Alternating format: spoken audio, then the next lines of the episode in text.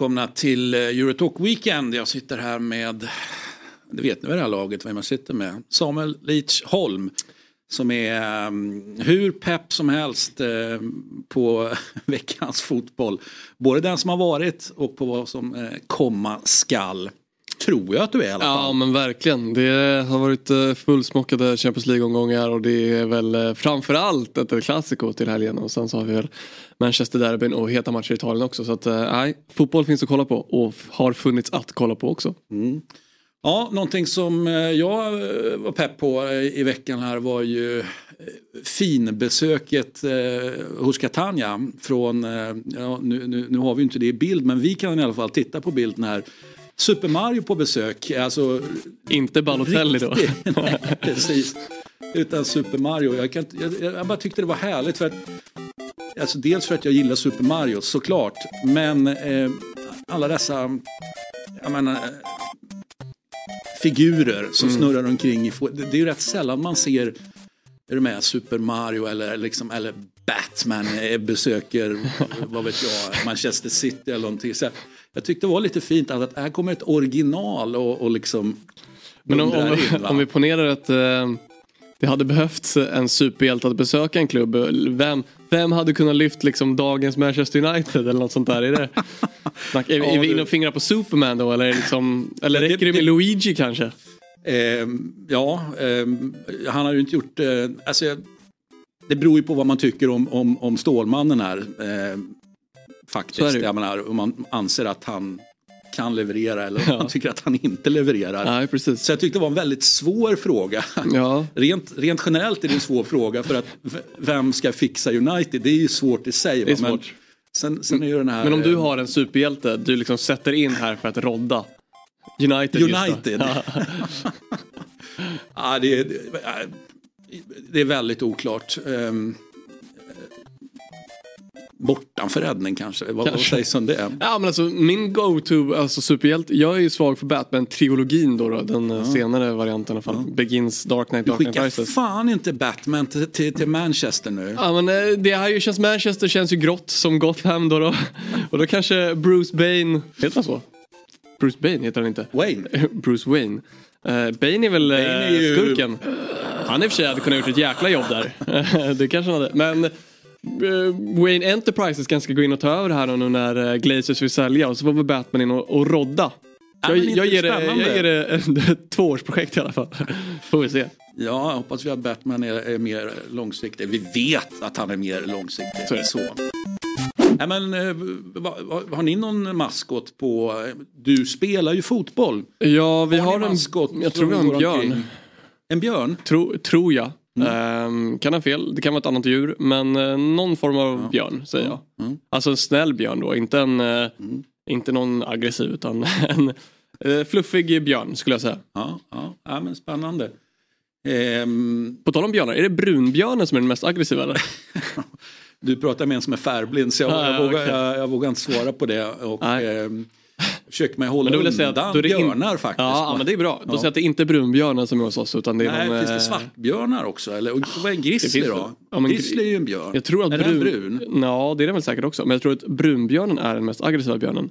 Men nu är vi ute på väldigt djupt vatten. Jag kan ingenting om björnar heller. Jag har bara hört det. Ja, Nej, spännande att du har en take på Alltså är det sånt man pratar om i spelarbussen eller hur kommer, man, hur kommer man in på mest aggressiva björnen? Ja, men ibland så får man upp olika klipp. Kanske. Ja, men kanske. Ibland får man upp olika klipp på mobilen och det är samma sak med de här silverback-gorillorna. De ska ju vara aggressiva som satan då.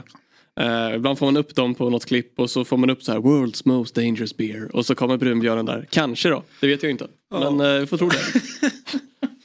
Så att, ja. ja det, Eurotalk Weekend tar en, en, en otippad vändning här kan vi säga. In i fablernas värld via Super Mario då. Öppna dörrar gör han. Ja, ja, eh, jag tror att vi har haft uppe Super Mario tidigare. Gillar du Super Mario? Spela... Jag spelade Super Mario på, eh, på vad heter det? Wii när jag var liten. Eh, alltså Super Mario Kart. Mm. Det spelade jag ganska mycket. Även på sån här bärbar när jag var liten och man skulle resa. Mm. Som hade en liten Nintendo kanske heter. Mm. Men spelar du, alltså jag spelade inte riktiga när han hoppade. Nu är jag tillbaka på spelarbussen igen då. Men jag menar, Nej, spelar ingenting. Spe, spelar du, får man spela där när man åker? Ja, jag får väl göra vad, vad du vill tror jag höll på att säga. Men, äh, ja, men nej, jag gör inte mycket mer än att äh, lyssna på podcast eller musik eller äh, något sånt. Det är där jag försöker hålla mig. Ibland så, så är det väl någon serie om det är längre borta resor. Men annars så podcast duger gott för mig. Mm. Eller läsa böcker. Försöker bilda mig en annan grej som vi eh, har touchat lite grann men som jag vill att vi ska toucha där du som återigen då spelare, ett, ett jädra tjat om att du är spelare ja. men, men du är ju spelare. Så är det. Eh, I Italien här nu så, så blev det ju det senaste målet någonsin som har gjorts. Då. Och du, förstår att jag vill komma nu. Jag, jag tänker inte gå in på exakt hur många minuter, hur många sekunder. Jag bara noterar att det slogs rekord efter att eh, det tidigare rekordet var, var några år gammalt och så vidare. Men det kommer ju bli fler och fler av den här i och med tilläggstiden. I och med tilläggstiden. Ja. Vad va, va, va, känner man som spelare med de här? Alltså, jag vet ju vad jag tycker som så säga, konsument av fotboll. Mm. Eh, när jag sitter och tittar på liksom att ja, men jag är ju såklart förbannad tycker att det är förjävligt. Ja. Men vad känner man som spelare? Ja, men jag tror att ur, ur ett, en viss synpunkt så kan det vara väldigt positivt om du jagar en match. Alltså tänk om du får 14 tilläggsminuter och du så har jag, du har tryckt på sen minut 82 kanske. Mm. Försöker avgöra matchen. Då har du ytterligare nästan 20 minuter. Mm. Mer än vad, vad, du ska ha och det är ju ett jäkla slag mot eh, om du, du möter ett försvar som är lågt och bara rensar. Alltså, tänk om vi gör det 20 minuter till. Mm, du koll, alla kollar ju på klockan i matchen. Man har ju en aning om vad som liksom eller ungefär hur lång tid det är kvar. Så du anpassar ju ditt sätt att spela då. Sista minuterna kanske spela lite enklare, lite längre bara för att få bort bollen i straffområdet. Kommer det då en smäll på det, 14 minuter. Då har du hur, hur mycket tid som helst. Då kanske det blir för det laget som är i en position att försvara kanske det blir en omställning då i sättet att liksom uh, approacha matchplanen sista. För att då är du nere på minut, om vi tar i vanlig liksom minutkontext, minut 76. Och det är ju inget läge där att börja gå ner och börja vifta bort bollar. Utan det är alldeles för mycket tid att göra det på. Mm. Så ur ett perspektiv att du jagar är det ju väldigt positivt. Men å andra sidan uh, Leder du med 1-0 i en viktig match, du vill inte ha 14 emot det där liksom. Då blir du ju vansinnig. Så, så egentligen det enkla svaret, det var ett väldigt bra svar, men det enkla svaret är att ja, men det beror helt på res resultatet och, och, och det, den taktiken då som följer av resultatet. Jo men så är det ju verkligen och ur ett ännu längre perspektiv, säg att det är 3-0 till ett lag. Mm. Då är det ju oavsett om ett lag har maskat jättemycket eller jättelite då måste ju domarna ha spelförståelse. Att säga att det skulle vara då enligt, enligt liksom om de format och lagar och regler de har att det ska vara 10 minuter tillägg. Då får de ju dra en klassisk 2. det är ingen som vill spela 14 minuter till när de leder med, när laget leder med 3-0. Nej. Um, Samtidigt kan man ju göra tre mål på 14 minuter. Kan du verkligen göra. Ehm, så att, ehm, ja. Det kan du verkligen göra. Men, men, det här, tycker jag, jag personligen. Jag tycker att man ska ha lite, jag tycker att eh, det ska vara lite, vad säger man? Tror du, tror att vi är här för att stanna eller tror du att, vi, att, att det här kommer rullas tillbaka? Alltså jag, tror att det jag tror att vi antingen är här för att stanna eller är här för att få effektiv speltid. Jag tror att det är det alternativen är. Vilket ju jag är livrädd för att det, och, det, att det här är steg och, mot så att säga. Precis och det vill jag absolut inte ha heller. Men, men av att döma så ser man ju också att de olika som bestämmer inom fotbollen fingrar ju väldigt mycket på regeländringar kontinuerligt. Och jag vet inte varför egentligen det är ju väldigt många som fortsätter att älska sporten, älskar sporten och det är ju väldigt många fler utövare och tittare idag eller för vardag som går än vad det var tidigare. Så jag vet inte varför man behöver fingra på sporten så mycket som man vill göra. Men jag tycker absolut inte att man ska gå mot effektiv speltid. Men jag tror att det här är en väg emot det. Ja, det är dystra besked här i Eurotalk Weekend. Vi som brukar vara ett sånt ystert och glatt program. Ja en sak som vi i alla fall inte fick med förra veckan som irriterar mig lite grann faktiskt. Och det var, eh, jag var inte irriterad över att du tog upp det här med waste of talent men jag var någonstans irriterad sen över att men liksom hur, hur, hur kunde vi inte bara direkt peta in Neymar på den här i de här, ja, Namnet. det var ju någon slags lista vet jag ja. inte, men namnen vi nämnde. Neymar är väl bara superduper waste of talent. Eller? Ja, ja, alltså det är ju det. Jag, jag ska helt säga att jag tänkte på Neymar och jag tänkte att vilken jävla karriär han ändå haft och vilken spelare det är. Och då blir ju andra vågskålen någonstans. Men borde han inte varit ännu, ännu, ännu bättre? Och jag vet inte. Han, det är klart att han skulle kunna potentiellt, om han var i samma inställningsmässiga nivå som Cristiano Ronaldo, att han skulle kunna vara en maskin och fortfarande spela de bästa lagen än idag och, och vunnit någon Ballon d'Or och så vidare.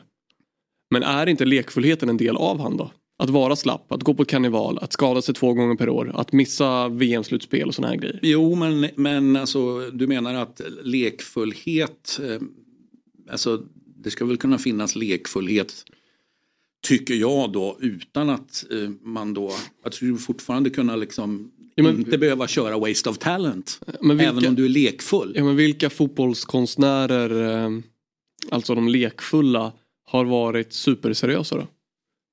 Är inte det en grej för att kompensera för det du inte har?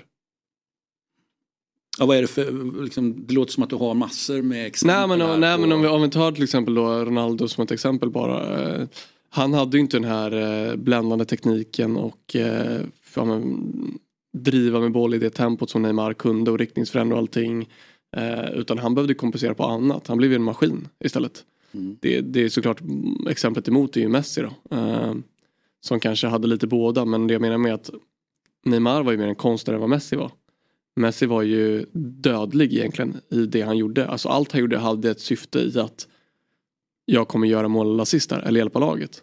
Neymar kunde ju stå och göra 18 översteg på mittplan. Och det var gott nog för han ibland. Och det är samma sak om vi tar Ronaldinho. Eh, exakt samma sak. Det fanns en lekfullhet där. Och hans peak var ju ännu kortare än vad Neymars peak var. Men hans peak var ju också så kort för att han inte alls hade den här seriositeten. Mm. Utan för, han, för honom var det bara älska att spela fotboll. Och jag tänker eh, om, man går ännu längre tillbaka det här klassiska exemplet då det, det man säger eh, ibland som ja, men, original Maradona och Marsivori som ju då inte hade det som, eh, ja men hade egentligen, alltså de är ju sjukt jämförbara men, men Sivori var ju, var ju då x antal årtionden tidigare. Eh, men eh, ja, tyckte väldigt mycket om att dribbla om man säger så. Och, och eh, var väl förvisso hyfsat effektiv men ändå han går också in i, i den här kategorin du beskriver där faktiskt så, som då inte riktigt or, liksom orkar ta det sista steget eller inte vill ta sista steget utan rulla ner strumporna och, ta, ja. och tar en dribbling till. Va? Nej men precis och det är väl det som jag tror att uh, skiljer de här extrema bolltalangerna från allt annat att de har kunnat så länge förlita sig på den exceptionella teknik de har att de inte de känner att de inte behöver kompensera det med annat. Mm. Och då kan de äta och festa hur de vill men det, kroppen är ju vad kroppen är, den kommer gå sönder förr eller senare.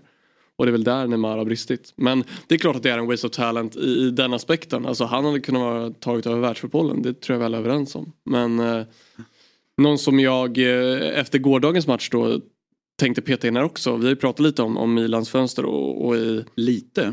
och om Rafael Leao eh, mer specifikt. Men eh, fan, det, det kan bli en waste of talent. Och eh, för att utveckla det lite så um, om man bara jämför honom med egentligen eh, det, är en, det är en svår jämförelse med i och med att Mbappé är så extremt exceptionellt bra. Men eh, de spelar på samma position med samma roll i, i två lag som möts. Så att jag tycker ändå jämförelsen blir adekvat här någonstans. Men varje gång Mbappé får bollen eh, på offensiv tredjedel så kommer han ofta till avslut eller till inlägg som i slutprodukt helt enkelt. Och gör det ofta väldigt, väldigt bra och svårt för, för Menjon i det här fallet. Eh, men varje gång Rafael Leao får bollen så händer ingenting egentligen. Det är väldigt få gånger han kommer till skott eller inlägg där inlägget är av kvalitet. Och sen så tycker jag också att han har ehm, väldigt lång tid mellan sina aktioner. Även, jag vet inte om det är liksom att han behöver återhämta sig längre än andra behöver, men han har extremt få spetsaktioner på en match. För den talang och kvalitet han besitter.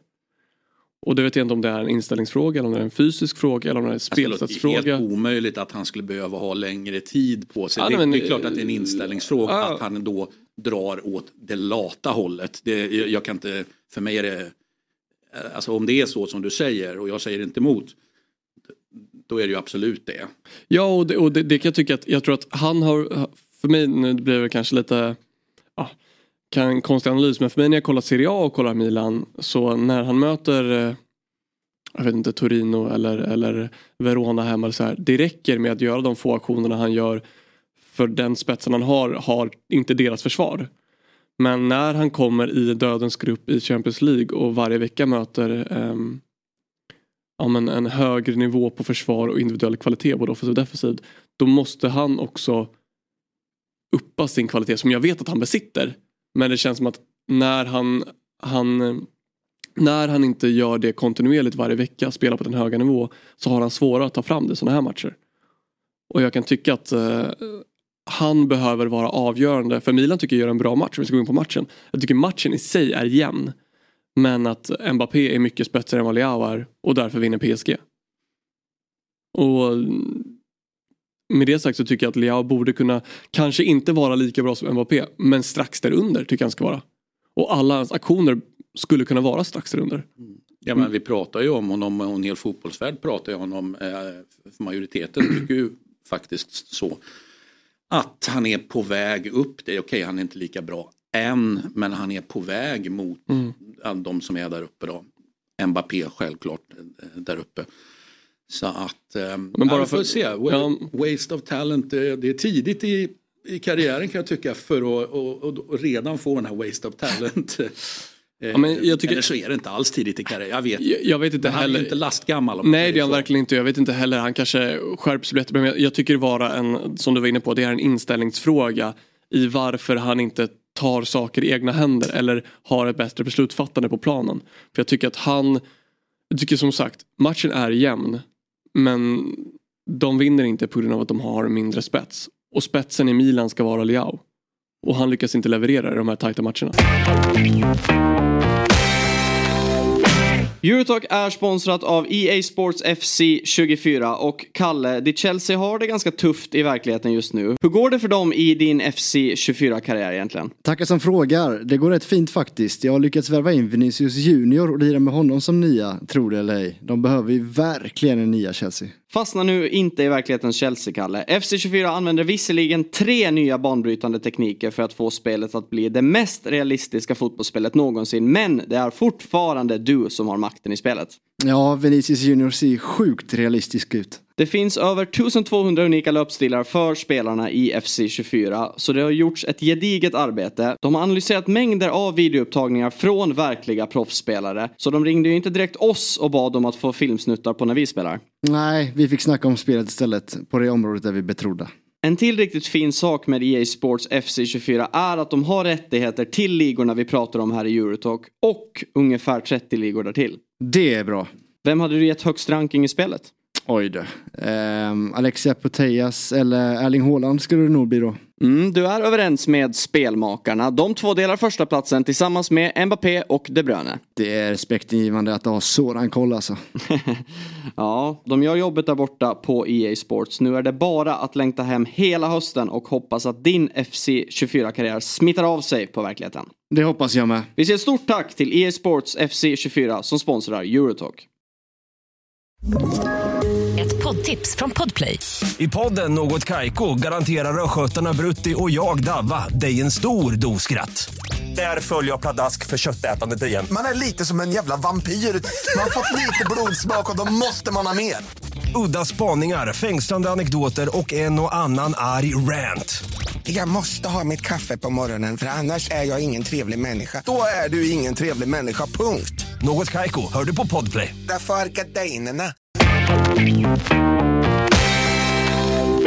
Det dök ju upp, ehm, ja tillbaks till Neymar här, han, han dök ju upp i, som ny eh, posterboy eller modell i veckan. Jag vet inte om du noterade jo, det? Jo, det ja. såg jag faktiskt. Sånt Skims. Ja, tyckte jag, eh, som jag såklart inte har någon koll på, men eh, jag, jag tycker alltid att det, är, att det är väldigt intressant.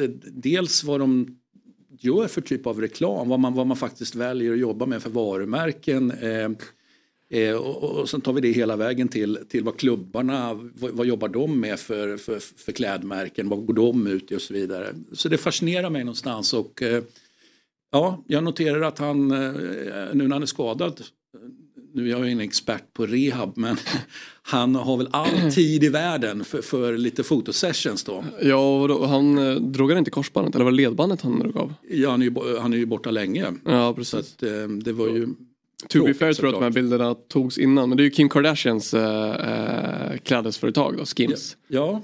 Eh, Och här ser vi bilder på Messi som jag vet inte vad han gör reklam för. Men Ronaldo gör ju såklart reklam för CR7s egna varumärke då. Ja, han gjorde ju annat innan och sen så var, ju någonstans allt det andra för litet för Cristiano Ronaldo och hans World Domination Enterprise. Eh, och bilden i, i mitten då som ju eh, lyssnarna inte kan eh, titta men, men man kan ju googla har jag hört. Va? Det är ju eh, den här gamla klassiska då en eh, lite lätt sliten Messi för Dolce Gabbana. Dolce Gabbana. Har du några andra sådana här, eh, jag vet inte alls om du eh, tycker att det här är kul, men har, har du några andra sådana här samarbeten eller egna men det finns väl varumärken såklart, det är väl jätteklassiska. Som du går igång på? Nej, går igång på gör nog inte med något av dem. Men eh, det finns de här klassiska. Det var väl Ljungberg som eh, var väl kalsongmodell. Var det Calvin Klein? Det var ju Calvin Klein. Ja, precis. som blev väldigt om, omdiskuterat. Vi har väl Beckham och för de som, som jag har sett hans dokumentär här så fokuserade ju han sig in väldigt mycket på olika samarbeten och olika omslag med eh, frugan Victoria Beckham då. Eh, men det var väl han som egentligen, alltså just Beckham då som öppnade dörrarna för just eh, ja, men modeföretagen och, eh, och eh, idrottsstjärnorna. Mm. Skulle jag säga. Vad är, är sånt här stort i omklädningsrummet? Nej. Kommenteras det Nej. överhuvudtaget? Jag har inte hört någonting om att han gjorde reklam. Jag noterade bara att han gjorde reklam för Skims. Ingen i, i, i BP har kommenterat det här? Nej. Nej. Nej, så Nej, jag var jag- nyfiken nej, på nej, om man nej. rent generellt är intresserad eller om man rent generellt skiter i det. Nej. Sen har vi vissa i laget och andra lag som är individuellt sponsrade av typ så här, men, eh, dryckesföretag eller något sånt där liksom. Då kan det bli lite skoj och hån och sådär om någon kommer in med det. För det, är, det är väldigt få i BP som är personligt sponsrade. Men i de här lagen så är ju alla personligt sponsrade av både det ena och det andra. Så det är väl mer normalt än, än annat. Längtar du, eh, alltså dresscode? När ni, vi har redan pratat väldigt mycket om, eh, alltså dels om omklädningsrummet, men vi har pratat ännu mer om bussen på bortaplan. Vad, eh, vad, och och då, då, då det är klart ni har en dresscode. Ja. Eh, Och eh, åker, ni, åker ni i kostym? Nej. Nej. Vi åker i, eh, vi är ju Nike-sponsrade så vi får en Nike-dress. Alltså, vi har skor, byxa, t-shirt, eh, tröja, jacka. Och det åker vi med i Nike då. Så Svart. bekvämlighet är Det är någonstans. bekvämlighet. Ja. Jag har aldrig spelat ett lag som kör kostym till några matcher. Eh, varit för dålig. lä- Längtar du efter liksom att, kom, att men komma det- dit? det Att, absolut. tänk att landa i en klubb. Alltså, det betyder ju i min värld att, att man kanske är, Levlar upp. levlar upp i, Ja. i ja, men att du har hamnat lite högre upp i en pyramid. Eh, kan, man, kan man längta efter att eh, fan, shit den där, eh, vad vet jag, Armani-kostymen bara för att ta ett exempel. Ja, men fan, jag vill också komma till match i, i, i den. Liksom. Ja men alltså jag vet inte om jag längtar just efter Armani men Nej, att, nej, men att, att, klättra, klättra sig upp i pyramiden läng- längtar man ju och om det innebär då att ha kostym till vissa matcher så är det inte mig emot. Jag, jag har inga problem med det alls. Det är väl eh, trevligt att se lite fin ut. Ja, I love it. Ja. I love it. Sen så har ju man gått bort sig. Vi har ju City som går bort sig ofta med de här olika. De är väl Dolce Gabbana sponsrade, är de inte det? Eh, va, har vi inte D-squared här också? D-squared kanske det var, ja. Och eh, lurar i vassen. Eh, eh, och det är ju inte, ju- det är ju inte min vass kan jag Nej, säga. och först var, det var ju några år sedan Barca också körde det här jeans. Då var det kanske D-squared. De körde ju jeans på jeans, alltså denim on denim. Körde någon jeansjacka och jeans på det där och det såg ju helt förjävligt ut. Men City har haft några stökiga collabs tror jag eh, som varit eh, riktigt fula. Så att det, det är ju bara både plus och minus att vara i toppen av pyramiden menar jag då med de här olika kora- Men kollaborationerna. tänk att hamna uppåt i pyramiden eller sidledes eller vad som helst och där du åker på en, alltså i det här fallet så det var ju några märken här som du inte var så förtjust i. Eh, tänk, tänk, att, tänk att landa i en klubb som har ett samarbete. Hur skulle det kännas? Det är ju bara att ställa upp såklart. det, är, det är bara att ställa upp. Mm, det är spelets regler. Du, eh, men jag vet att PSG kör ju mycket ganska bra merch. De har ju liksom, eh, och det är ju en del av PSGs branding då för att vara tydliga. De har ju liksom skapat en så här, ja men lite NBA All-Star eh, variant på liksom sin, sin merch och sina olika tröjor och sådär. Att det, I eh, någon form av eh, modeaspekt så är de ju väldigt populära i att bara ha på sig då. De är ju jävligt vita. Ja, Det är den vita mycket, det är tröjan. mycket, det är mycket vitt på, på PSG-fronten. Och jag, jag måste säga att jag tycker att det är skitsnyggt. Ja, ja, det är ju sjukt snyggt. Inte, och de har... inte mina märken, men det är skitsnyggt. Ja, och de kör ju också Air Jordan va, som deras sponsor. Eh, och sen så har de ju också en sponsor på armen som är GOAT, alltså Greatest of All Time. Så att det snurrar ju lite på deras ehm, men bildskärmar då längs planen. Så att det var ju väldigt ofta då Messi eller Neymar eller Mbappé knäpptes en bild så har de ju då GOAT-sponsorn i bakgrunden. Ifall de skulle göra en bra prestation. Så att det är väldigt mycket som är liksom de har tänkt på detaljerna här i PSG.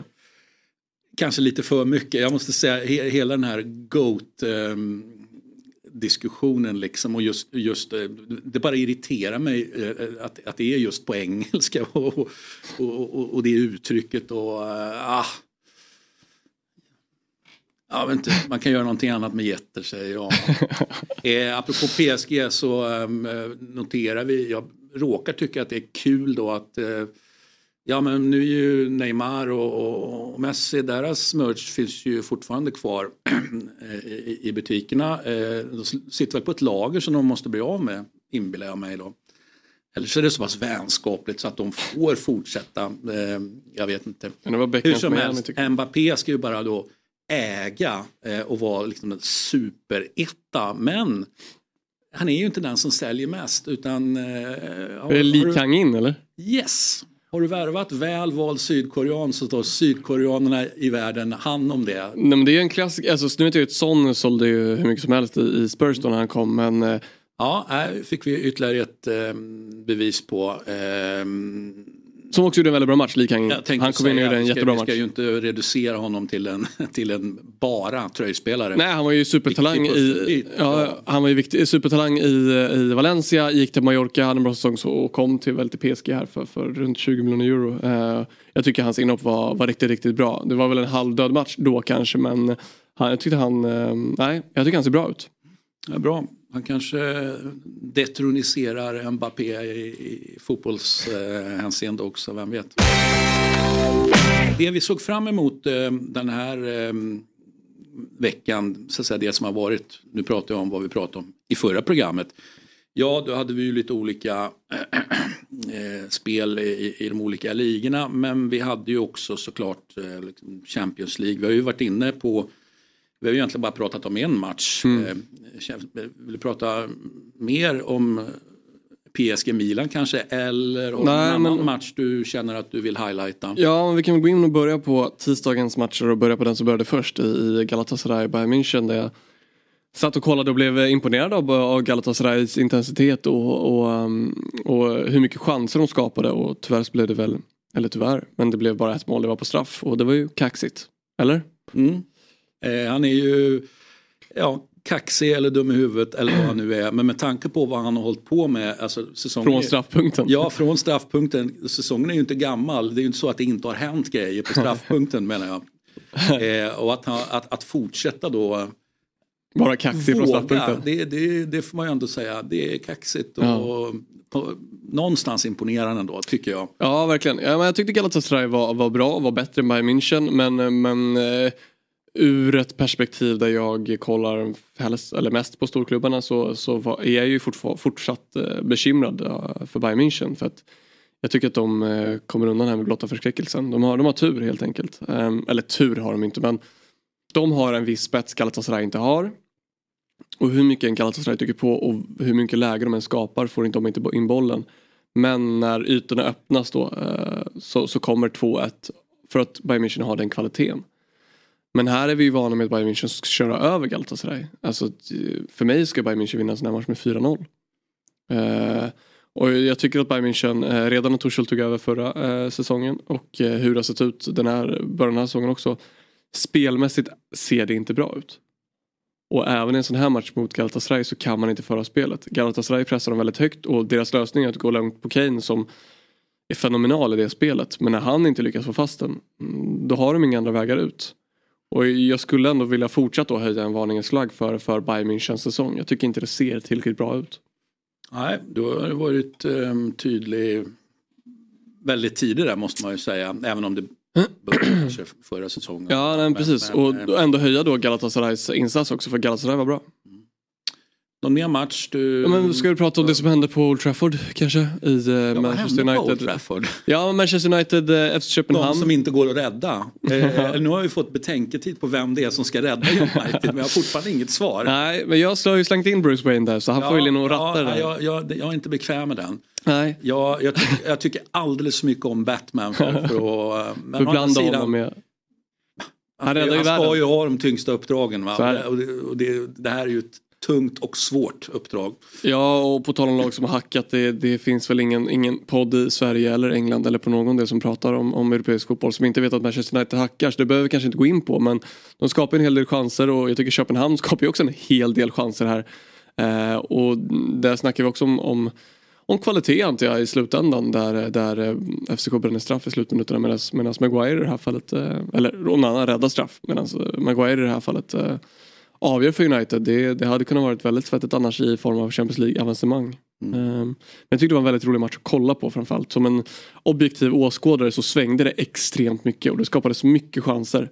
Eh, och sen blir man ju frustrerad när eh, både Garnacho och Rashford eh, tar alldeles för långa toucher eller att Köpenhamn inte får in bollen på något snett inåt bakåt som är, som är väldigt, väldigt bra till Leranger eller vad han heter som, som missar. Men det, det svängde en hel del, det var roligt som, som åskådare att kolla på. Jag blir ju alltid lika bekymrad när man använder just de orden för att beskriva någonting. Alltså, nu sa ju du att det var en objektiv åskådare men att eh, det var roligt att titta på. Det svängde mycket. Eh, då blir jag bara bekymrad precis. Alltså, jag, det där gillar inte jag. Nej, jag, Matcher ska kontrolleras. ja. Och det Det var, behöver inte betyda att du har bollinnehavet. Du kan ju kontrollera matchspel genom att ja, köra defensivt helt enkelt. Då? Men, men ehm, hittar du någon kontroll inuti? Det lät inte som att du gjorde det. Nej, alltså det här var, det var verkligen High Chaparral, vilket var Det var viktigt för mig där och då, för jag var i ett sömnigt state of mind. Mm. Så att man kan väl säga att den här matchen väckte du mig lite till liv. Ja men lite så. Att ha Real Madrid, eller Braga Real Madrid på, på en andra skärm där, det var Det är ju sådana här matcher som är så tråkiga för en Real Madrid-supporter. För att de kommer förmodligen vinna med uddamålet, men de tar aldrig ut sig mer än 70% på sådana här matcher. Mm. Men eh, nej, jag tycker det var en rolig match då. Trots att den var svängig. Ehm, eller för att den var svängig. Du får tycka vad du Nej, vill. för att den var svängig ja. eh, måste jag ändå vara säga. Ehm, och jag tycker det var kul att se att ett nordiskt lag ändå gör en, en, eh, en så pass bra insats. De, de ska ju komma därifrån med, eh, med ett mål i alla fall och hur långt det hade räckt det vet man inte. Men de ska komma därifrån med, med ett mål och, och kanske till och med ett kryss. Ehm, och det tycker jag båda gott för, för nordisk fotboll och det, det är viktigt för oss som håller på med, med boll här uppe i, norra delen av Europa. Mm. Ja, men det, det, det förstår jag liksom att självkänslan eh, mår bra Ja. av även om vi Ja, pratar men, om eh, grannar och så vidare. Ja men jag tror att det kan influera, influera också andra ehm, svenska lag när de är ute i Europa att eh, se att det går att, att, eh, att eh, försöka pressa eh, mer intensivt och aggressivt högre upp i banan. Det går att, att försöka ha någon form av omställningsspel eller, eller spel med bollen med tid. Eh, även mot de här storlagen. Eh, de är inte så astronomiska som, som man kanske målar upp dem till från, på hemmaplan. Utan eh, nej, jag tycker att det jag, mm, nu förlorar de ju visserligen med 1-0, men jag tycker att det finns mycket att ta inspiration av här. Att, eh, många av de här lagen är inte liksom, speciellt inte vissa som då är, i det här fallet United, som kanske inte mår bäst just nu. Att eh, man kan absolut störa dem. Ja, men, kul att höra dig säga det för jag, jag tycker de senaste åren har det inte varit så mycket av den attityden i, i, som jag uppfattar i svensk fotboll. Utan det är mer ett konstaterande, ja men titta, ja, men titta på spelarbudgeten, den är gånger 10, den gånger 100, den gånger liksom, eh, det känns uppgivet på förhand. Jag menar, det, hur ska man in, alltså bara, bara det att vi pratar, det är ju inget ligaspel här, även om det är ett gruppspel så är det så med, med, med x antal matcher så är det ju inget ligaspel. Det tror fasen att du är ett enskilt möte, det vill säga ett, ett kupp är ju det det handlar om här. Eh, när du går ut i Europa. Det är klart att du ska kunna störa mer eller mindre. Det kanske låter en, en del, vad fan säger han egentligen? Nej, men det är klart att du ska kunna sätta upp en, en gameplan för varje enskild match så att du ska kunna få med dig resultat. Alltså, det, så måste det ju vara. Nej, men, och jag det, håller med. Jag, det är för mig helt obegripligt att man ska behöva ge upp saker och ting på förhand. Ja, och jag tycker att det där vi har haft ett stort problem i svensk fotboll när vi eh, har kommit ut i Europakval och Europaspel. Det spelar ingen roll om du möter, eh, bara för att ta ett exempel, Pionjik från Armenien. Man förlorar en sån match. Och det tror jag handlar mycket om eh, alltså inställningen till Europamatcherna från ett svenskt perspektiv. Att så här, man är lite avvaktande för nu möter man eh, utländskt motstånd. Det är min bild utifrån. Men här tycker jag att man ska vara kaxig och stolt över att vi bedriver en väldigt bra teknisk fotboll på hemmaplan oftast. Vi ska gå ut och försöka göra det här med. Sen kan gameplanen vara defensivt att man vill pressa högt eller ligga lågt eller vad det nu än kan vara. Men jag tycker inställningen till att vilja ha boll, våga göra det man gör på hemmaplan måste man ju våga göra där också. I och med att när du tar det till, till Europas slutspel och gruppspel, det gör du för dina prestationer inhemskt. Då tycker jag man måste försöka bygga vidare på det eh, när du även kommer ut också. Och det är väl därför lag, eller mindre länder som ja, men Kroatien, Uruguay och, och Portugal med liknande, liknande mängd. Nu har ju de väldigt mycket mer pengar, just Portugal i sina egna ligor. Men jag tycker att det är framförallt är en mental fråga om att vilja ta för sig, vilja vara avgörande. Som för mig är liksom den avgörande faktorn i spelutvecklingen där att där vågar du skjuta sista skottet, du vågar glidtackla sista gången eller du vågar liksom slå en avgörande boll. Eh, och framförallt du, du tar jobbet 100%. Här tycker jag att vi kan bli lite avvaktande och avgörande moment. Eh, och det tycker jag har sett väldigt länge liksom. Um, i, i, när, vi, när vi kommer ut ur de här Europamatcherna. Trots att vi ska vara den större klubben med den större ekonomin i de, vissa av de här kvalmatcherna. Ja, ja, eh, word säger jag. Ja, men härligt att höra. Jag, jag, jag råkar tycka precis som du eh, hur det nu gick till här. Men, men det där är ju bara befriande att höra. Alltså, jag är ju på utsidan, du är på insidan. Men för mig att höra någon på insidan eh, säga det du säger eh, gör ju mig väldigt glad då, till att börja med. Va? Med det sagt har jag noll Europamatcher. Men... Ja, men, ja, men förhoppningsvis du spelar, spelar ändå på en viss nivå. Ja, förhoppningsvis spelar där så ska jag väl försöka bevisa motsatsen att jag vill vill vara, eh, ha vill bollen, ju... vill vara spelbar och vill slå avgörande och vill göra de här grejerna. För att jag tror att det är det är det som kommer, jag tror att den, den, tekniska kvaliteten tycker jag att eh, kollar man ungdomsfotboll och kollar man fotboll, alltså det är ju väldigt många saker vi gör väldigt bra i svensk fotboll. Jag tycker att det sista lilla är kaxigheten. Jag tycker att vi borde, borde i svensk jantelagsanda kanske slutat klanka ner på kaxigheten och kanske börja höja den lite mer när du uttrycker dig på, på idrottsplan. För att det är Var det inte det här som skulle hanteras, alltså i och med att Zlatan la skorna på hyllan efter den karriären han har haft skulle inte det ha varit någon sån här eh, trickle down då? Så att, alltså, alltså kletat ner eh, liksom välvalda delar av svensk fotboll med kaxighet då. Men du säger att det inte är så. Ja, det, det, men vi ser ju dem, eh, å andra sidan ser vi ju Dejan eh, som, som vågar gå ut och säga vad han tycker och tänker i media och försöker agera därefter på planen. Jag tycker inte han gömmer sig eller dylikt. Vi ser Alexander Isak som när han kommer fri mot Liverpool eller vilket lag det än är, han vågar chippa. Så att det finns ju en del av den här kaxigheten men det är ju på den yttersta spetsen i svensk fotboll. Och nu snackar vi kanske om allsvenska lag som kommer ut och kvalar i Europa klart det är lite skillnad men jag tycker även om, om man drar det längre i ett landslagssammanhang att vi det är väldigt skickliga spelare och de är där av en anledning. Och den här anledningen måste jag tycka, tror att vi måste liksom tro mer på oss själva och den kvalitet vi besitter i att våga spela på en spelare som har en kille i ryggen för han kan och ska våga vända bort den här spelaren. Eller bara för att locka in press. Men alla de här små grejerna då för att liksom ja, men brösta upp sig lite att uh, vi är inte rädda för att möta Polen, Tjeckien eller Pjonjik eller eh, uh, FC Riga. Utan FC Riga, ska vara 5-0 liksom. D där ska liksom, det ska självbilden vara, tycker jag. Eh, några som inte gjorde 5-0 var ju Benfica.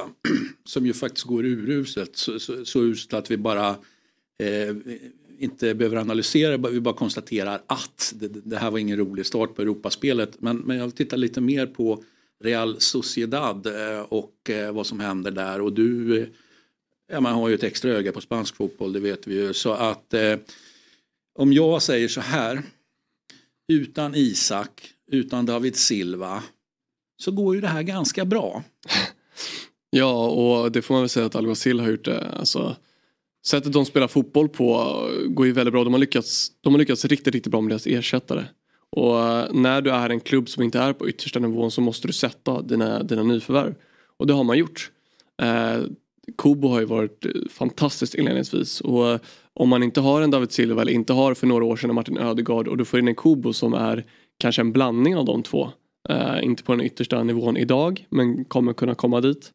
Uh, och sen får du in Bryce Mendes som har öppnat hur bra som helst och de sätter sina roller. Och jag vet att i Eurotalk har ni pratat tidigare om kanske Alexander Isak versus Oyarzabal och vem jag tar upp Jag kommer gärna dit. Ja, och bring vem, it on, bring och, it on. Och vem, och vem tar upp yta för vem och vem får bollarna och så vidare och så vidare. Men är det så att du har en spelare som heter Mikael Oyarzabal och är från Basken, är från San Sebastian och är stjärna i laget och är kapten då trumfas ju han och då kanske du måste hitta spelare som höjer hans prestationer istället för att hitta folk som ska ersätta hans prestationer. Och det är väl det de har gjort i det här fallet, eller vad säger du Christian? Ja, och han, eh, ja, man får väl säga, jag- där får du inte nödvändigtvis med mig, men, men möjligtvis att de hjälper honom i bett, men, men vi vill också komma tillbaka här. att Han hade ju en långvarig skada som han ju är tillbaka, nu säger inte jag att han precis har kommit tillbaka från den, men Oyarzabal var ju, var ju borta väldigt länge. Så att, eh, ja, men det är spelare som jag är lite svag för av olika anledningar som då i ett Eurotalk-perspektiv har fått väldigt mycket skit skulle jag vilja säga och väldigt mycket kritik i år. Så jag, och jag, jag visste inte riktigt din take på det så det var därför Ja, men, eh, min, min, jag tycker att när Isak spelade där så fick han alldeles lite att jobba med bakom. Men eh, det var ju också ett possessionbaserat lag. De blev ju mer tiden levd lite snabbare på att slå den bakom på Isak. Men det fanns ju enorma ytor i vissa lag de mötte och, och i Isaks spets och spelstil så skulle man kanske utnyttjat det mer. Å andra sidan fick de ju 70 miljoner pund eller euro eller vad de fick från honom. Vilket gör att det var en toppenförsäljning och en toppendeal på alla möjliga sätt. Men nu har de tycker jag ersatt med kanske mer eh, mer spe, eller spelare som är mer kompatibla för den dagliga spelidén. Liksom. Och eh, där får man, eh, min favoritspelare i det här laget är ju eh, Mikael Merino som jag tycker är, han är ruskigt, ruskigt bra. Och väldigt, väldigt Kanske viktig. en av dina spelare som du håller extra koll på den här säsongen. Men jag har ett fullt mittfält så att eh, Ja. då får han liksom vikariera på någon annan position. Ja, De har också en ja, ung ja, spelare. Du får ställa upp precis, eh, alltså du behöver ju inte ens göra ett lag av. Du kan ju bara ha Nej, men- tio på samma position. Ja men liksom. Subimendi är väl också en, en mittfältare, han är, han är en defensiv mittfältare som jag hade haft koll, hållit koll på, var länge i spanska u och är relativt ung, sexa också. Um, har gjort det väldigt, väldigt bra här inledningsvis. Så att de har många spännande spelare och de har ju en väldigt bra akademi eh, i, i Real Sociedad. Så att, eh, det finns att hålla koll på där.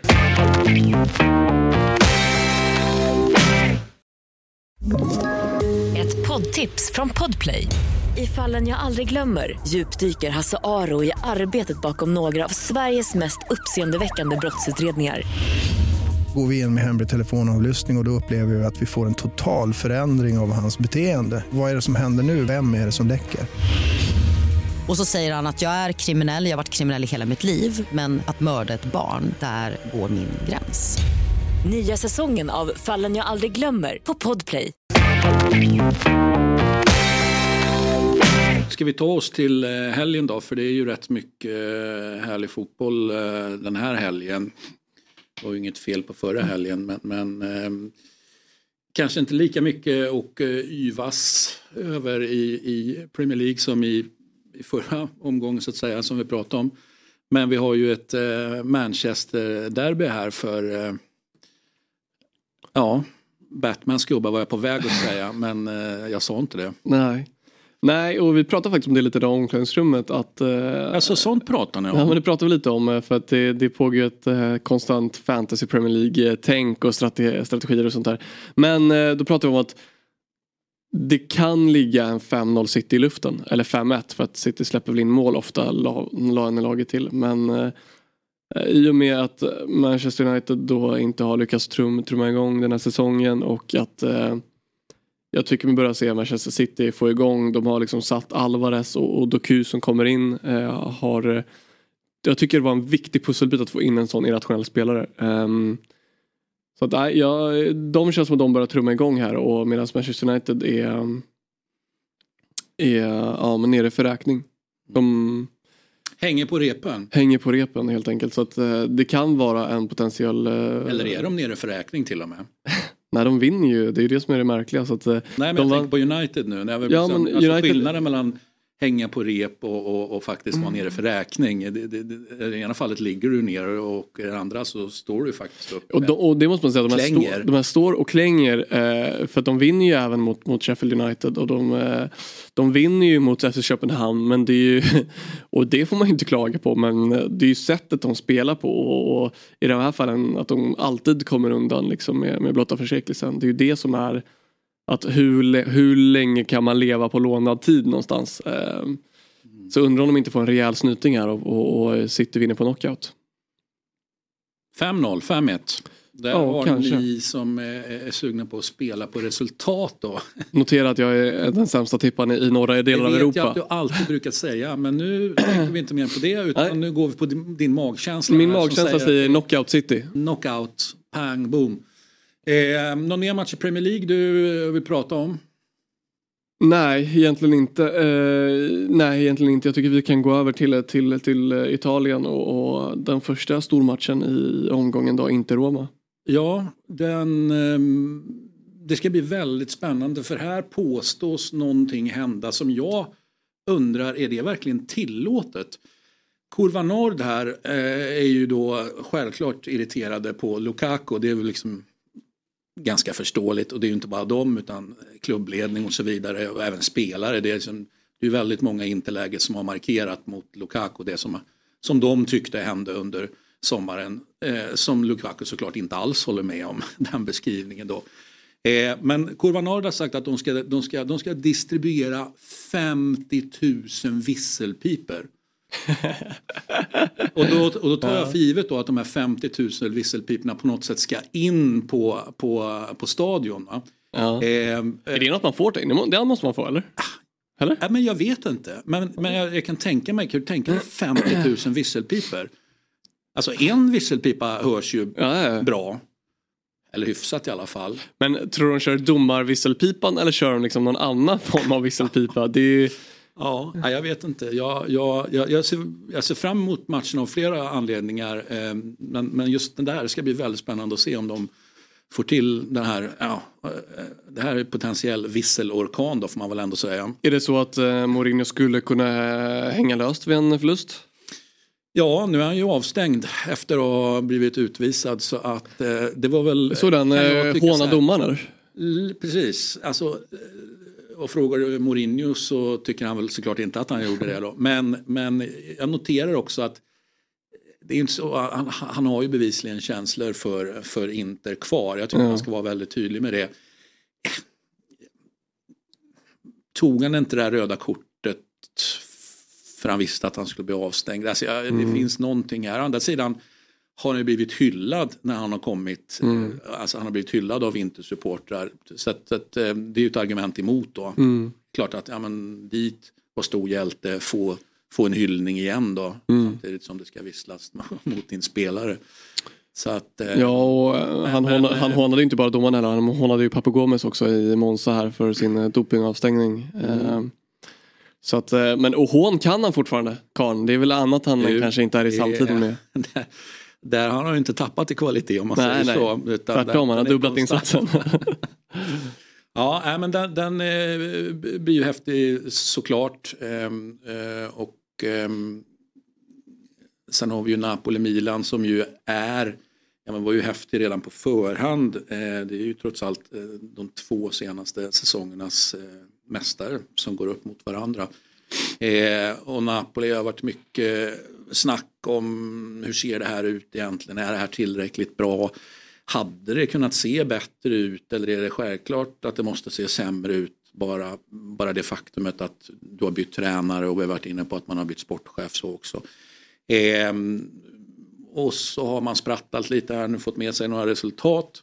Napoli och så har vi Milan då som ju då förra helgen eh, får man säga åkte på en, en eh, tung förlust då när man förlorar mot Även om det fanns en utvisningsförklaring så eh, tog man ju stryk då mot Juventus och så gjorde man det man gjorde, i alla fall resultatmässigt. Du säger att man gjorde det helt okej spelmässigt.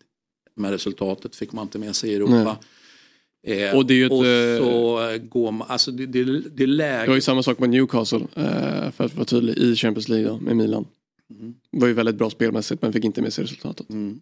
Så att eh, det, så det är så här, det, är ju en, det här är ju en match som eh, det är klart att alla matcher är, är det läge att vinna. Men jag skulle- säga att det är läge för, för båda klubbarna här och verkligen här ska man inte vara nöjd med oavgjort tycker jag utan här, här är det segern som, som gäller. Napoli för att visa att ja, men, ja, men nu är vi tillbaka på en okej nivå. Vi är inte som förra säsongen, det säger vi inte, men, men vi är tillbaka på en nivå. Det har, ja, såg sig sådär ut i, några matcher men nu är tillbaka. Mm. Eh, och Milan måste ju bara, alltså man kan ju inte ta, om vi nu kallar Napoli storklubb, det får man väl ändå göra.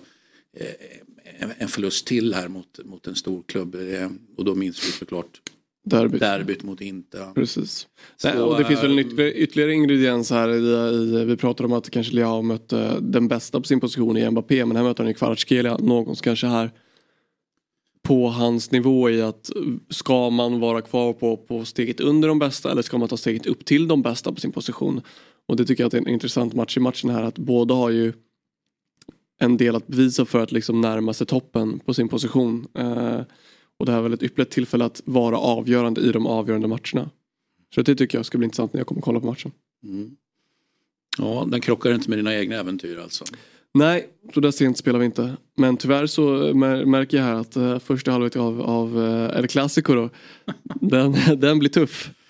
Den blir tuff. Eh, vilket eh, gör ont i mig. Men eh, jag har egen plikt att utföra. Eh, men för att då gå till, till ett Barcelona som eh, im- väldigt imponerad av många spelare i Barcelonas trupp. Eh, för, att inte, för att nämna några, Balde, deras vänsterback tycker jag är, han är riktigt, riktigt bra. Eh, och sen så har Cancelo kommit in som handen i handsken, passar jättebra tillsammans med Joao Felix som varit grymma. Eh, de tre har varit, eh, enligt mig då, bäst i, eh, i Barcelona eh, den här säsongen. Sen har man fått in en yngre spelare, eh, Fermin, eh, Fermin Lopez född 2003 som har eh, gjort det extremt bra eh, i de matcherna han har spelat för, för Barcelona. Men sen tycker jag, jag tycker ju och jag tycker mig i alla fall se att Xavi inte har vad som krävs. Och det har jag tyckt sen han kom in. Jag tycker att trots eh, de här spelarinvesteringarna, trots att man har eh, man, man har väl utåt sett haft tufft, tufft ekonomiskt men det har ju värvat väldigt mycket spelare och dyra spelare och liksom både i löneposter och så vidare. Så tycker jag att han inte får ihop det helt enkelt. Nej, och, jag är nyfiken på vad, vad, vad, vad, det, är då. Liksom. Det, det är alltså, jag tänkte fråga, är det bara liksom en känsla du har? Ja, eller men- nej, men- Kan du rent konkret säga att ja, men, eh, ja, men det är den lagdelen eller det är den eh, principen i spelet som, som inte finns eller som fallerar? Vad, vad är det som du ser? För mig finns det eh, principiella saker, eller för, tror jag för alla i min generation och kanske lite mer längre än så, men det kan jag inte tala för. Finns det principiella saker hur Barcelona, FC Barcelona spelar fotboll. Det ska se ut på ett visst sätt helt enkelt. Och för en parallell till Ajax, det ska se ut på ett visst sätt som också är, nu är inte Barcelona i kris, väldigt tydligt med Ajax är ju i kris och det ser inte ut som det ska spelas på det sättet. Jag tycker Barcelona eh, vinner i matcher här eh, mer på att de har som sagt kanske den bästa truppen i världen än att de spelar på Barcelona-eskt sätt. Jag tycker att hade du tagit bort klubbmärket och tröjorna här så hade det kunnat se ut som vilken klubb som helst. Och för mig är det inte Barcelona. Även när du hade ett rakare spel med Luis Enrique eller, eller Valverde så fanns det väldigt mycket Barcelona-inslag i hur de spelade fotboll. Och om det är att man har eh, Oriol Romeo, Gündogan och Gavi på mitten så kanske inte Gündogan tycker jag är väldigt, väldigt skicklig men de andra två är inte lika skickliga kanske med bollen om det är därför eller om det är liksom naturen av, av, av spelarkvaliteter. Jag vet inte men de principiella grejerna i att det ska vara eh, mycket kortpassningar och när du kommer upp till sista tredjedelen så ska det vara instick eller små chippar över backlinjen som ska på en löpande ytterback, helst då förr i tiden Jordi Alba eller, eller Dani Alves och där ska inspelet komma och mål. Ehm, och, och framförallt väl, kortpassningsspel för att du ska positionera dig till att vinna tillbaka bollen så snabbt som möjligt. Det tycker jag inte finns i dagens Barcelona. Utan det ser lite mer ut som vilket lag som helst. Och det är framförallt där jag tycker att Xavi har brustit i att ha varit en så stor och stark del i ett Barcelona-DNA. Att han inte kan förmedla det, eller kanske inte vill förmedla det till sina spelare, det vet jag ju inte. Men jag tycker att det är där han brister och att man ofta sent i matcherna räddas av, av eh, någon prestation hit eller dit som, som gör att man vinner och inte kanske är eh, ja, men vinner på grund av att man är lagdominanta.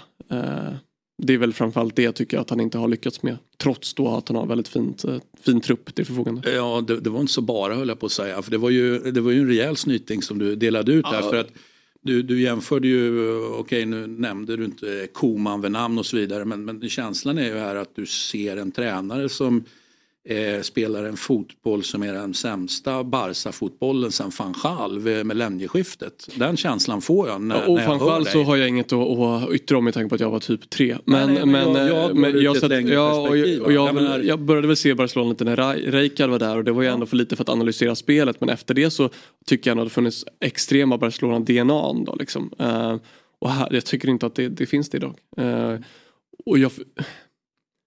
Säg att han inte vill förmedla det. Att han vill ha någonting Mm. Nej, men- annat. men det Eh, och, och, och, och, och, då, och då, då får det vara så. Men för mig kan jag inte förstå varför det skulle vara så när han firade så stora triumfer i det sättet att spela och varit skolad i det. Så för mig så, för mig, jag kan verkligen ha fel här, men för mig kan, är det så att han inte lyckas förmedla det här både retoriskt men också liksom i hur taktiskt han kan inte förmedla det som liksom Barcelona behöver. Och det är ju det andra då, då är ju Xavi för dålig som tränare. Alltså på att få ut det taktiska, eller han har för svag taktisk kunskap eller för dålig på att få ut det. Och det är ju nästa idé då för att, ja, och det är väl där jag tycker att framförallt han har brister. Det ser inte ut som FC Barcelona när de spelar. Att det är ett bra lag, absolut, men det ser inte ut som FC Barcelona. Mm. Och deras motståndare då som eh, det skulle ha varit kul att se om de kom upp på högsta nivå. Jag tycker att man alldeles ofta funderar och sladdar på någon slags eh, good enough nivå. They don't care. Nej, men i det här är mötet ser jag gärna att de bryr sig. Leao-arroganta fast, Ja. fast med eh, vetskapen om att de faktiskt levererar och vinner till slut. Precis. Där är ju inte Leao än. Han håller på Nej. och lär sig eh, Real Madrid-arrogansen. Men kommer aldrig kunna göra det. Nej, jag, jag. hoppas inte att han, eh, så länge vi har Vinicius finns det inget behov i alla fall. Men eh, nej, det ska bli spännande att se. Det blir ju, det blir, kommer bli en jättebra match och två lag som kommer spela bra fotboll och ehm, det finns ju spets så det räcker att bli över i båda lagen. Vi pratade om Jean Felix tidigare men även i Bellingham och Vinicius som, som har börjat trappa igång lite. Vinicius då, Bellingham har väl varit dominant hela, hela tiden. Men eh, så här, jag tror att det kommer bli en supermatch. Real Madrid har ju väldigt svårigheter i egen box. Eh, dels med Kepa i mål som inte är tillräckligt bra. Men även med positionsspelet på mittbackarna där Alaba har lyckats eh, dratta dit en och annan boll och lyckats gå fel två av tre gånger mot Atletico då, i, i förra stormötet. Så att det finns hål att utnyttja där. Det gör det verkligen. Ja, eh, och hitta hål i, i, i schemat här är inte riktigt lika lätt. Jag, jag noterar ju då att eh, El Clasico får ju, får ju stryka på foten va? för det är ju Sassuolo Bologna mitt uppe i där. En match som jag då per, Bologna med tre raka eller? Ja, hur många raka är det nu? Ja, det kanske är tre raka. Det är i alla fall bara en förlust hittills i alla fall. Okej. Och då börjar ju ändå Bologna-säsongen med att det var väldigt mycket liksom stolpe ut och nästan seger fast Mm. man radade upp massor med oavgjorda istället. Eh, eh, och det är det är två klubbar jag har sagt att jag dedikerat följer och, och liksom ser typ alla matcher av. Eh, så det ska bli väldigt Så det spännande. blir andra halvlek El Clasico för dig också eller? Eh, Nej, det blir nog inte. Eller är det Lecce Torino då som... Lecce Torino tar ju över det. så att, eh, sen ska ju Arsenal in i den leken också. Eh, Så att, eh, ja, flerfrontskrig. Men Ja. du, du får ta hand om El Clasico helt enkelt. Det ska jag göra. Så tar jag hand om eh, det där. En sak som jag tänker på nu när jag tog upp Bologna. Ber inte jag dig recensera Svanberg. Men man hamnar i ett läge, du är på väg eh, liksom bort ifrån en klubb eh, och det blir det här att kontraktet går ut och du tar flytten och så händer någonting väldigt positivt när, du har flyttat. Jag säger inte att det beror på att ah, nu är inte Svanberg kvar, det är fan att de blir bättre då utan grejen är att Thiago Motta är där. Mm. Eh, tror att man som spelare, ja men fasen också. Helt övertygad. Hade jag, tänk om jag hade stannat och så hade jag fått Thiago Motta. Ja men helt övertygad. Jag tror att eh, alltid när du står inför ett val att byta klubb så väger du det du har mot det du kan få. Och när du tar steget att byta klubb så väger du då att det du kan få kan vara bättre. Men visar det sig att det du hade var bättre. Det är ju, jag är helt övertygad om att man tänker på det. Eh, man går kanske inte sömnlös över det men det är klart att det kommer kunna stå ner så här, fan, här mådde jag bra, kolla på fotbollen de spelar nu, kolla hur bra det går. Nu säger jag inte att Wolfsburg är en dålig plats alls men Och för- tråkigt att bo i Wolfsburg kanske, jag vet inte. Eh, skönare att bo i Bologna eller fotbollen vi spelar kanske Ja, inte passar mig helt. att eh, bör vara lite skönare att bo i Bologna. Ja, men det är klart det kan vara massa aspekter. Sen så kanske han trivs som, som fisken i vattnet i, i, i Wolfsburg, det vet inte jag. Men det är klart att när ett, man lämnar ett lag och de går bättre så finns det ju alltid en form av vemod att fan. Och för att vara jättetydlig så var ju inte Thiago Motta där när han flyttade. Så det, det var ju inte så att sen kanske man kan tycka att eh, ens agent kanske ska ha någon slags koll på vad som eh, kanske ska hända. Ja. Ja, man kan vända och vrida på det. Jag har tänkt en del på Svanberg i alla fall. Jag tyckte Mm. eh, han, tror att han hade platsat bra i dagens Bologna. Ja men jag tror att det är, alltså, om man har haft, eh, eh, jag menar först Sartoris eh, förtroende eh, och sen eh. Eh, nej, Santiago Mottas. Alltså, Ja, ja. har, har man deras förtroende, Sartori är ju sportchefen, men det har ni lärt över det här laget. Så är ju min uppfattning att precis alla mår ju bra här. Mm. Och till och med sådana som, som inte har mått så bra. Ja, någon har ju lämnat men Orsolini mådde ju inte sådär eh, jättebra. Eh, till och med Orsolini har de ju fått igång nu. Mm. Eh, så att, eh, så, så Tyvärr tror- återigen på bekostnad av vår, av vår svensk. Kanske inte tyvärr för dig men tyvärr för oss. Vi vill ju att våra svenska spelare ute ska spela. Ja, ja men han får jättegärna, jag, jag får se, jag menar Orsolini, det här är ju någon slags Lidners knäpp. Där har du ju, apropå problem med inställning så kommer han ju i alla fall, och det är ju precis det som både Senisa och Thiago Motta pratat om, att, liksom att ja, men, det håller inte liksom. Nej. Men eh, nu håller det just i den här lilla korta perioden. Ja, men det blir en underbar fotbollshelg. Eh, superduper och eh, eh, ja, det här Euro Weekend är slut. Jag är lite bekymrad över att Batman har fått det här uppdraget i Manchester. Jag, det har rubbat någon cirkel för mig. Va? Så att, Om man inte har motbud då, får, då tar han det. Ja, du, du, jag, jag hade ju inget motbud, nej, så du högg där. Jag högg. Eh, Men fan också, Leach. Den, eh, den, den ska du få äta upp någon gång säga. Ja. Ehm, Så om de vinner då vet du vems förtjänst det är. Ja, det vet vi ju. Så att, eh, å andra sidan har du sagt att, eh, att City ska vinna med, med Ja, det tror jag. Så hur, hur du får ihop den Leach-Holm-världen, Jag vinner oavsett. ja, tydligen. Med den helgarderingen då så, så tackar vi för oss och önskar eh, trevlig helg och, och tack Samuel. Tack själv.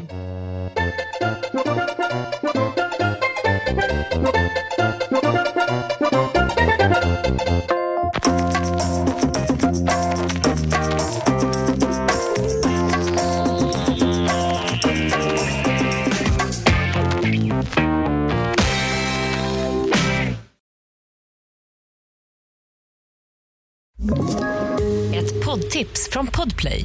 I fallen jag aldrig glömmer djupdyker Hasse Aro i arbetet bakom några av Sveriges mest uppseendeväckande brottsutredningar. Går vi in med hemlig telefonavlyssning och, och då upplever vi att vi får en total förändring av hans beteende. Vad är det som händer nu? Vem är det som läcker? Och så säger han att jag är kriminell, jag har varit kriminell i hela mitt liv men att mörda ett barn, där går min gräns. Nya säsongen av Fallen jag aldrig glömmer på Podplay.